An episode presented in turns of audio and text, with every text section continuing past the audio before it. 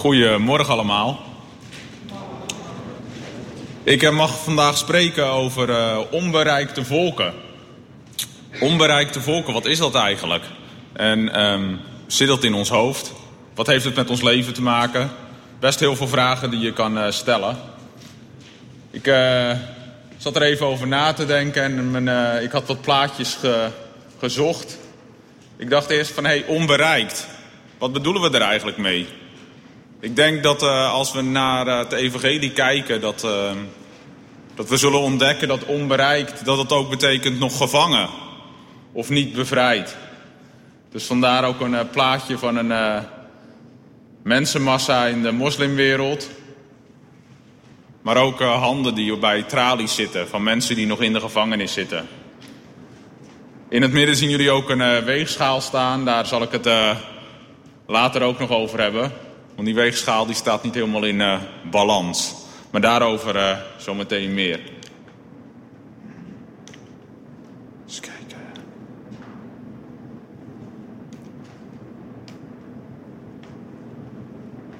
Top. Ik zal mezelf eerst even voorstellen. Ik ben uh, Aart Heemsbergen. Ik ben getrouwd met Roos. Ik heb vijf zoons. Eentje zit daar, zat daar naast me. Dit is een foto van twee jaar terug. Toen woonden we nog in uh, Marokko. En dat was een van onze laatste uitjes. God had duidelijk aan ons uh, laten weten dat onze tijd in Marokko erop zat. Dat was echt chockerend, want het, was, uh, het ging goed. We mochten mensen tot geloof zien komen. We hebben daar een hele mooie tijd gehad. heel veel geleerd. Ik denk dat ik meer geleerd heb als de mensen om me heen.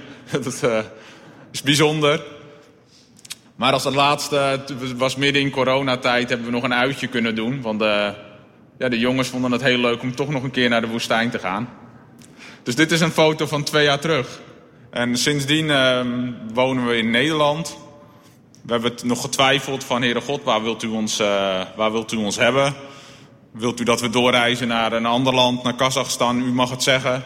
Maar nee, uh, Nederland is de plaats waar we nu mogen zijn. En we zijn nu nog steeds werkzaam bij uh, Frontiers, uh, ongeveer twee dagen in de week, bezig met uh, discipelschap en soms spreekbeurten in, in kerken. Maar ja, twee jaar geleden woonden we dus nog in een ander gedeelte. Zou jij hem... Oh, ja. Oh.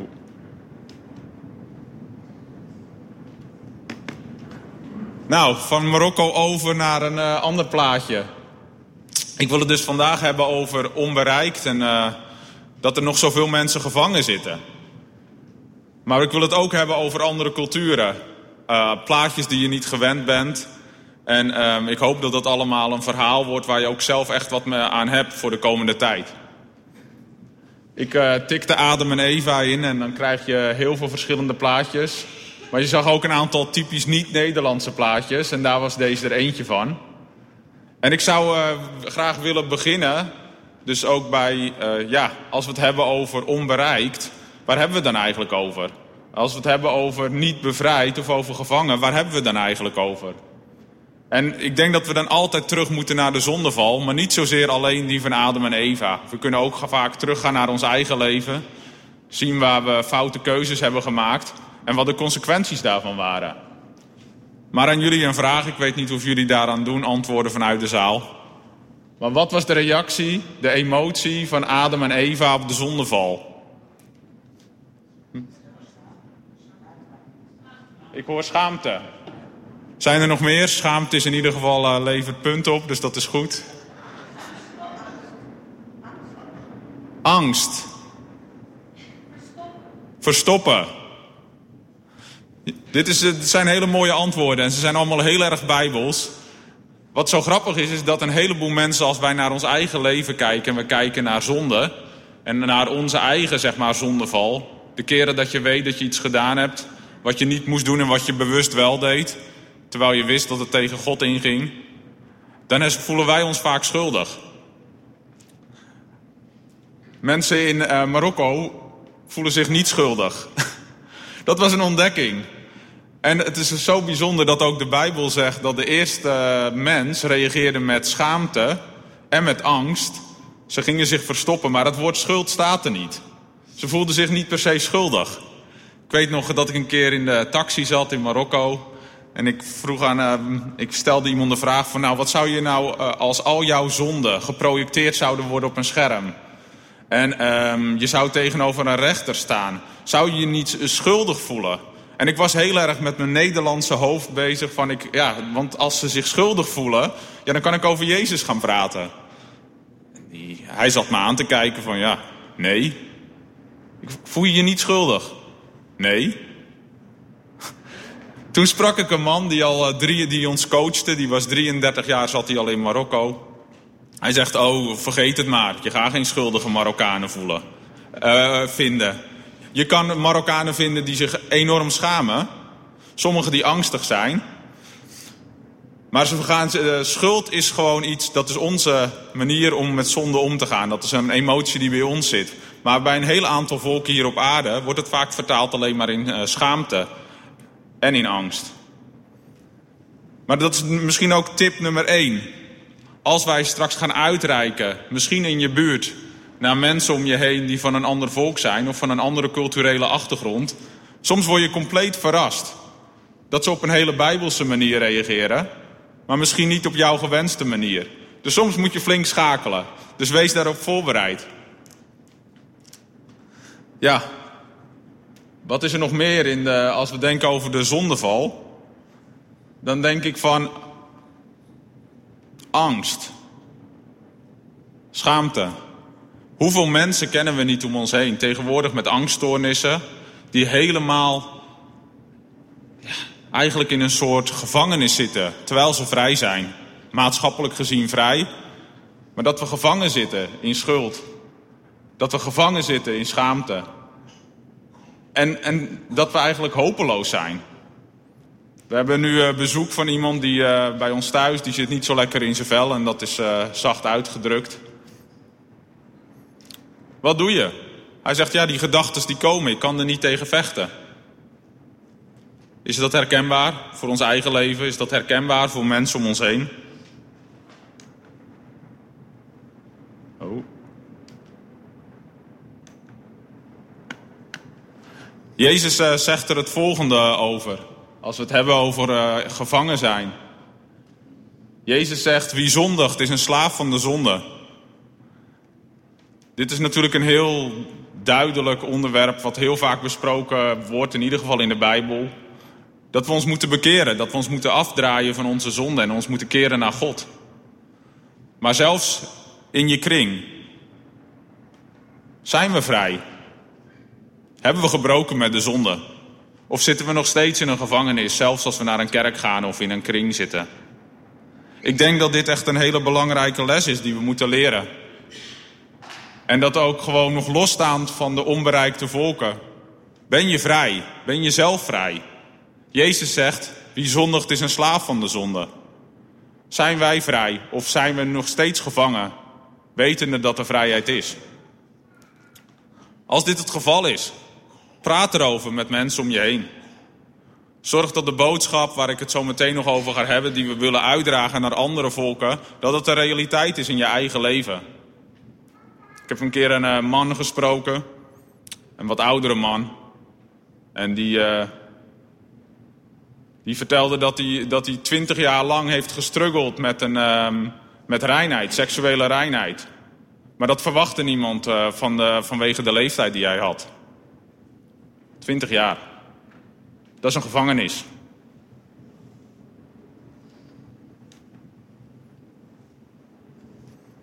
Ja.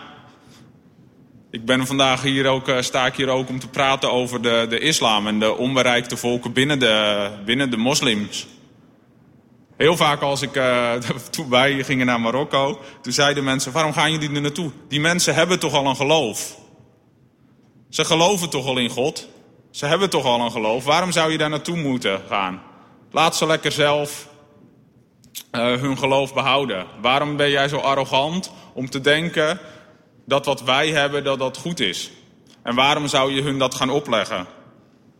Nou, ik zat helemaal niet na te denken over wat ik ze ging opleggen. Ik wil gewoon doen wat, God, wat Jezus van me vraagt. En daarin hebben mensen, als, uh, als God ons gebruikt, gewoon een vrije keus. Maar toch is dit iets wat best wel vaak speelt. Oh, maar de, de moslims die, zijn, die hebben toch al een God, die weten toch al wat. Uh, daar hoeven we niet naartoe. Vandaag wil ik kijken naar het leven van Jezus en het leven van Mohammed als het gaat over hoop. Als het gaat over die gevangenis.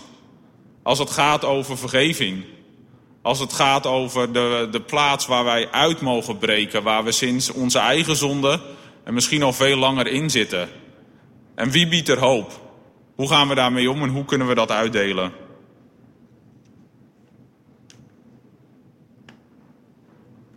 Nou, dit zal hier waarschijnlijk niet al te vaak op het scherm staan. Hier staan uh, woorden over het leven van uh, Mohammed, de profeet van de islam. Ze halen hun uh, informatie, nou ja, veelal uit de Koran, maar ook over boeken die over hem geschreven zijn.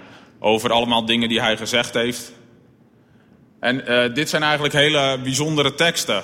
Dit gaat over hoe was, wat dacht Mohammed over zijn, zijn eigen dood, over de dood van zijn volgelingen. En um, is er vergeving? Is er hoop? Ik zal dat eerste stuk zal ik, uh, even inleiden. Er is een uh, persoon en die uh, is een, ja, eigenlijk een volgeling van Mohammed. En die is overleden. En dan ligt hij opgebaard en dan zegt zijn vrouw, wijst naar hem. En dan zegt zij van, oh, Allah gaat hem eren, God gaat hem eren. Dus hij spreekt iets heel positiefs over die man uit. Van hij was zo goed, hij was zo betrouwbaar, hij was zo'n goede volgeling. Uh, er is vast wel hoop. God gaat hem eren. En dan zegt Mohammed, hoe weet u dat God hem geëerd heeft? En dan zegt die vrouw, ik weet dat niet. Maar mogen mijn vader en mijn moeder voor u geofferd worden, o apostel van Allah. Maar wie anders is waardig als haar man niet waardig is? En dan krijgen we een antwoord van de meest hoge persoon binnen de islam. Die zegt, wat betreft hem, bij Allah, de dood heeft hem overgenomen. Ik hoop het beste voor hem. Hij zegt, hij is dood. En ik hoop dat, hij, uh, dat het goed met hem gaat, maar ik beloof je helemaal niets.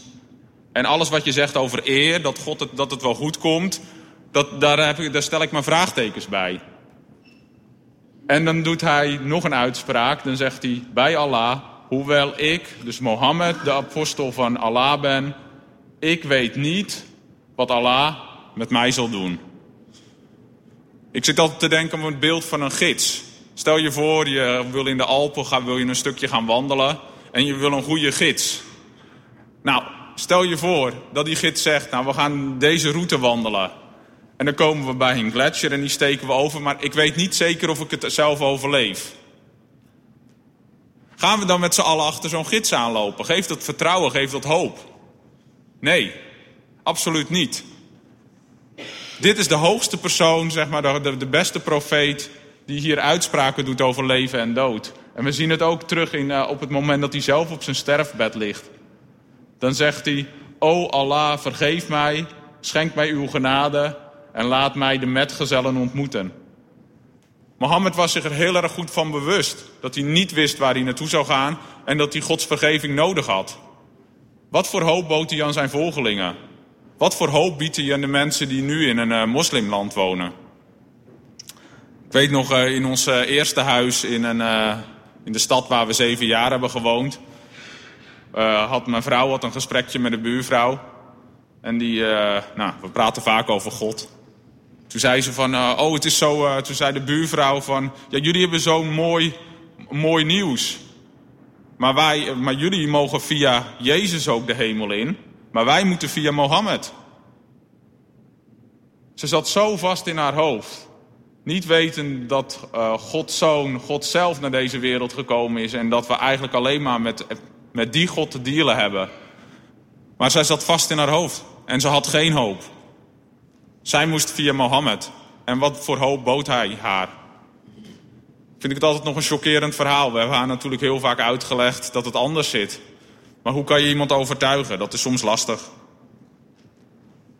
Nou, dit is de hoop als het gaat over zekerheid, het eeuwige leven binnen de islam. Hoe anders zijn dan de teksten die wij waarschijnlijk wel kunnen dromen over Jezus?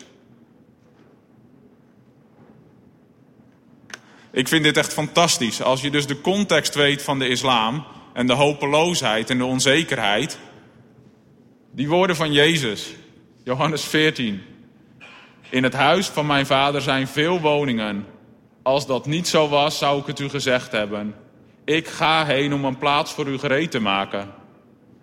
Als ik heen gegaan ben en plaats voor u gereed gemaakt heb, kom ik terug en dan zal ik u tot mij nemen, opdat u zult zijn waar ik ben. Wauw, wat een verschil. Jezus zegt tegen zijn, dame, tegen zijn discipelen, ik weet waar ik naartoe ga. Ik ga naar mijn vader en ik ga voor jullie een plek maken. En als het zover is, dan kom ik jullie ophalen. En dan mogen jullie zijn waar ik ben. 100% hoop. 100% zekerheid. Dit is, dit is de kern. De kernbelofte, denk ik, van het evangelie is dit. We mogen als volgelingen van Jezus erop vertrouwen dat Jezus de weg is en dat Hij de weg heeft bereid, een plaats voor ons heeft bereid en dat we met rust in het leven mogen staan. De laatste dagen, laatste weken ben ik bezig geweest met ook de kracht van vergeving. En, want vergeving en angst en schaamte hebben alles met elkaar te maken. En we zitten vaak gevangen in, in zo'n gevangenis. En veel mensen om ons heen. Ben nu uh, bijbelstudie aan het doen met twee uh, mannen die compleet niet geloven. Is heel erg interessant en leuk om te doen. En we hadden het over vergeving. En toen hadden we het over, moet je nog mensen vergeven in je leven? Ja, mijn ex-vrouw en die andere moest zijn, uh, zijn ouders nog vergeven. Maar je ziet hoe dat op mensen drukt. En dan denk ik, jongens, wat hebben wij een mooi nieuws. Nieuws voor het hiernamaals, hetgeen wat komen gaat. Maar ook om op dit moment uit je gevangenis te breken. Want de kracht van de liefde door God is groter dan de kracht van haat. Jezus uh, zegt aan het einde van zijn leven, dat is eigenlijk de grote opdracht, maar volgens Lucas.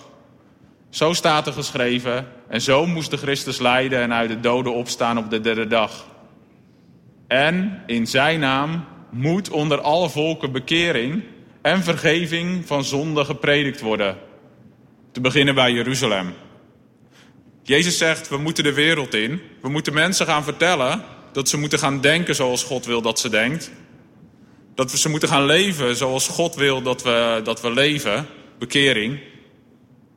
Maar we mogen dus ook vergeving van zonde prediken. De hoop die Jezus biedt aan zijn volgelingen. De hoop die Jezus biedt aan deze wereld. Dat is fantastisch nieuws. En wij zijn de enigen die dat nieuws hebben.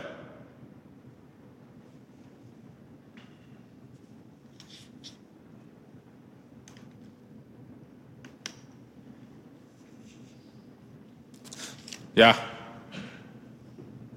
Jezus zegt dat we vrij mogen zijn. We zijn slaaf van de zonde als we zondigen. Maar hij belooft ook vrijheid. Hij belooft vergeving. Hij belooft een, uh, een zekere toekomst. Ik zou jullie eigenlijk twee vragen willen stellen. Niet zozeer van geloof je, ben je een christen, maar ben je vrij? Ben je vrij van de zondelast? Of drukt het nog steeds op je? Dat is de eerste boodschap. Als jullie vandaag hier zitten en denken van eigenlijk zit ik nog steeds in een ben ik gevangen in de zonde. Zelfs als ik, de, ik die al twintig jaar naar de kerk ga, heb er nog steeds last van. Praat er met mensen open, over. Schreeuw het naar God uit. Jezus wil bevrijden. Dat is het eerste wat we nodig hebben. De tweede uitdaging die ik bij jullie zou willen neerleggen is: ben je vrij? Gefeliciteerd. Deel het uit. Deel het uit in de mensen om je heen. Hoe ver moeten die mensen zijn? Nou, we hebben de gelijkenis van de barmhartige Samaritaan. Wie is mijn naaste? Jezus kiest iemand die heel ver van de mensen afstaat om te laten zien, ja, je naasten die zijn overal. Deel het uit, de vergeving. Deel het uit, de hoop. Met mensen naast je, je buurman, maar ook ver weg. Want daarnaast, volgens Jezus is iedereen.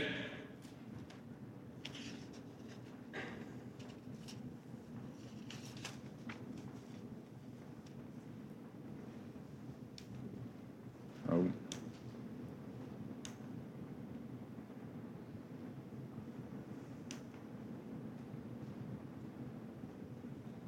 Ja.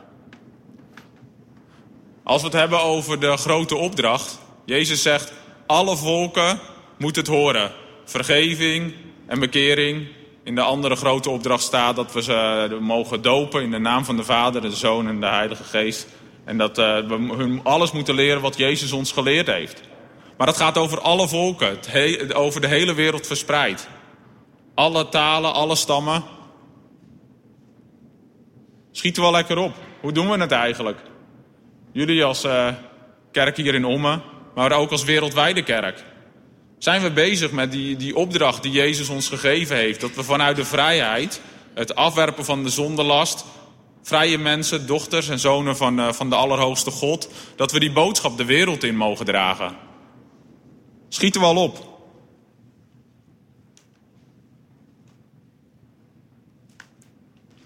Er zijn ongeveer nog 2 miljard mensen onbereikt, waarvan de helft moslim is in deze wereld. Als je als werker naar het moslim, de moslimwereld gaat, dan heb je 350.000 mensen voor jezelf. Dus als je denkt van, oh, wat doe ik hierin om, want iedereen heeft het minimaal al één keer gehoord. Nou, gefeliciteerd. Er zijn plaatsen op aarde waar er 350.000 mensen op jou zitten te wachten. Als het Gods plan is. Toen, ik weet nog dat wij de, in de stad waar we zaten, was ongeveer 500.000 mensen. Toen wij er naartoe gingen, waren er geen bekende gelovigen. Ik weet nog dat ik tien jaar geleden ongeveer in de bus zat om die, uh, om die plaats te ontdekken. Ik dacht, wat ga ik hier doen, joh? Een half miljoen mensen. Mijn Arabisch is nog niet goed genoeg. Uh, ik weet helemaal nog niet zoveel over de Koran. Ik weet eigenlijk nog niet genoeg over de Bijbel. Is mijn leven wel goed genoeg? Heel veel vragen. Maar God, God kan je gebruiken.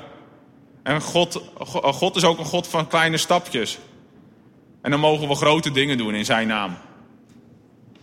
Maar het klopt, 1 op 350.000 mensen. Nou, hoe zit het dan met de giften?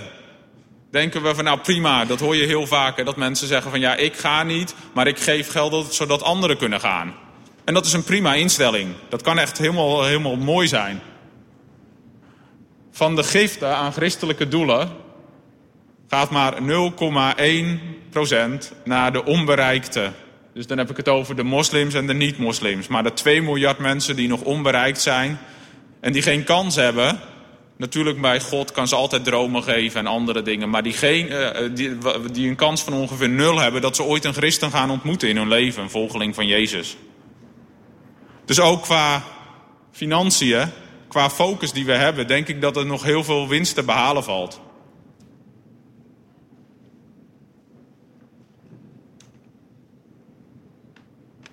En jij? Leef je in vrijheid en deel je die vrijheid uit? Ik, wil, uh, ik ga deze tekst zo nog lezen en dan kunnen we daarna nog kijken naar een, uh, een filmpje van een uh, collega van ons. Maar het is mooi om met deze tekst in ieder geval af te sluiten en um, ook in je hoofd mee te nemen. En in zijn naam, in de naam van Jezus, moet onder alle volken bekering en vergeving van zonde gepredikt worden. Te beginnen bij Jeruzalem.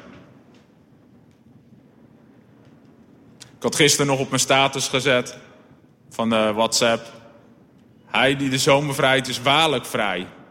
Dat is een tekst die eh, Jezus bijna direct eh, doet eh, nadat hij verteld heeft over de, dat we een slaaf zijn van de zonde. Dat als de zoon je bevrijdt, dat je waarlijk vrij bent. Dat is ons leven en dat is onze boodschap. Voor hier in Omme. Maar Gods hart is veel groter voor de hele wereld. We gaan zo meteen naar een filmpje kijken. Van collega's van ons die uh, wonen uh, vlakbij, uh, vlakbij China. ik vind het een enorm indrukwekkend filmpje. Waarom? Omdat het laat zien dat de bevolkingsgroep wordt onderdrukt. Maar ze hebben ook niet de hoop. Ik bedoel, soms horen we hele verschrikkelijke verhalen vanuit de Tweede Wereldoorlog, van de concentratiekampen, en dat is afschuwelijk.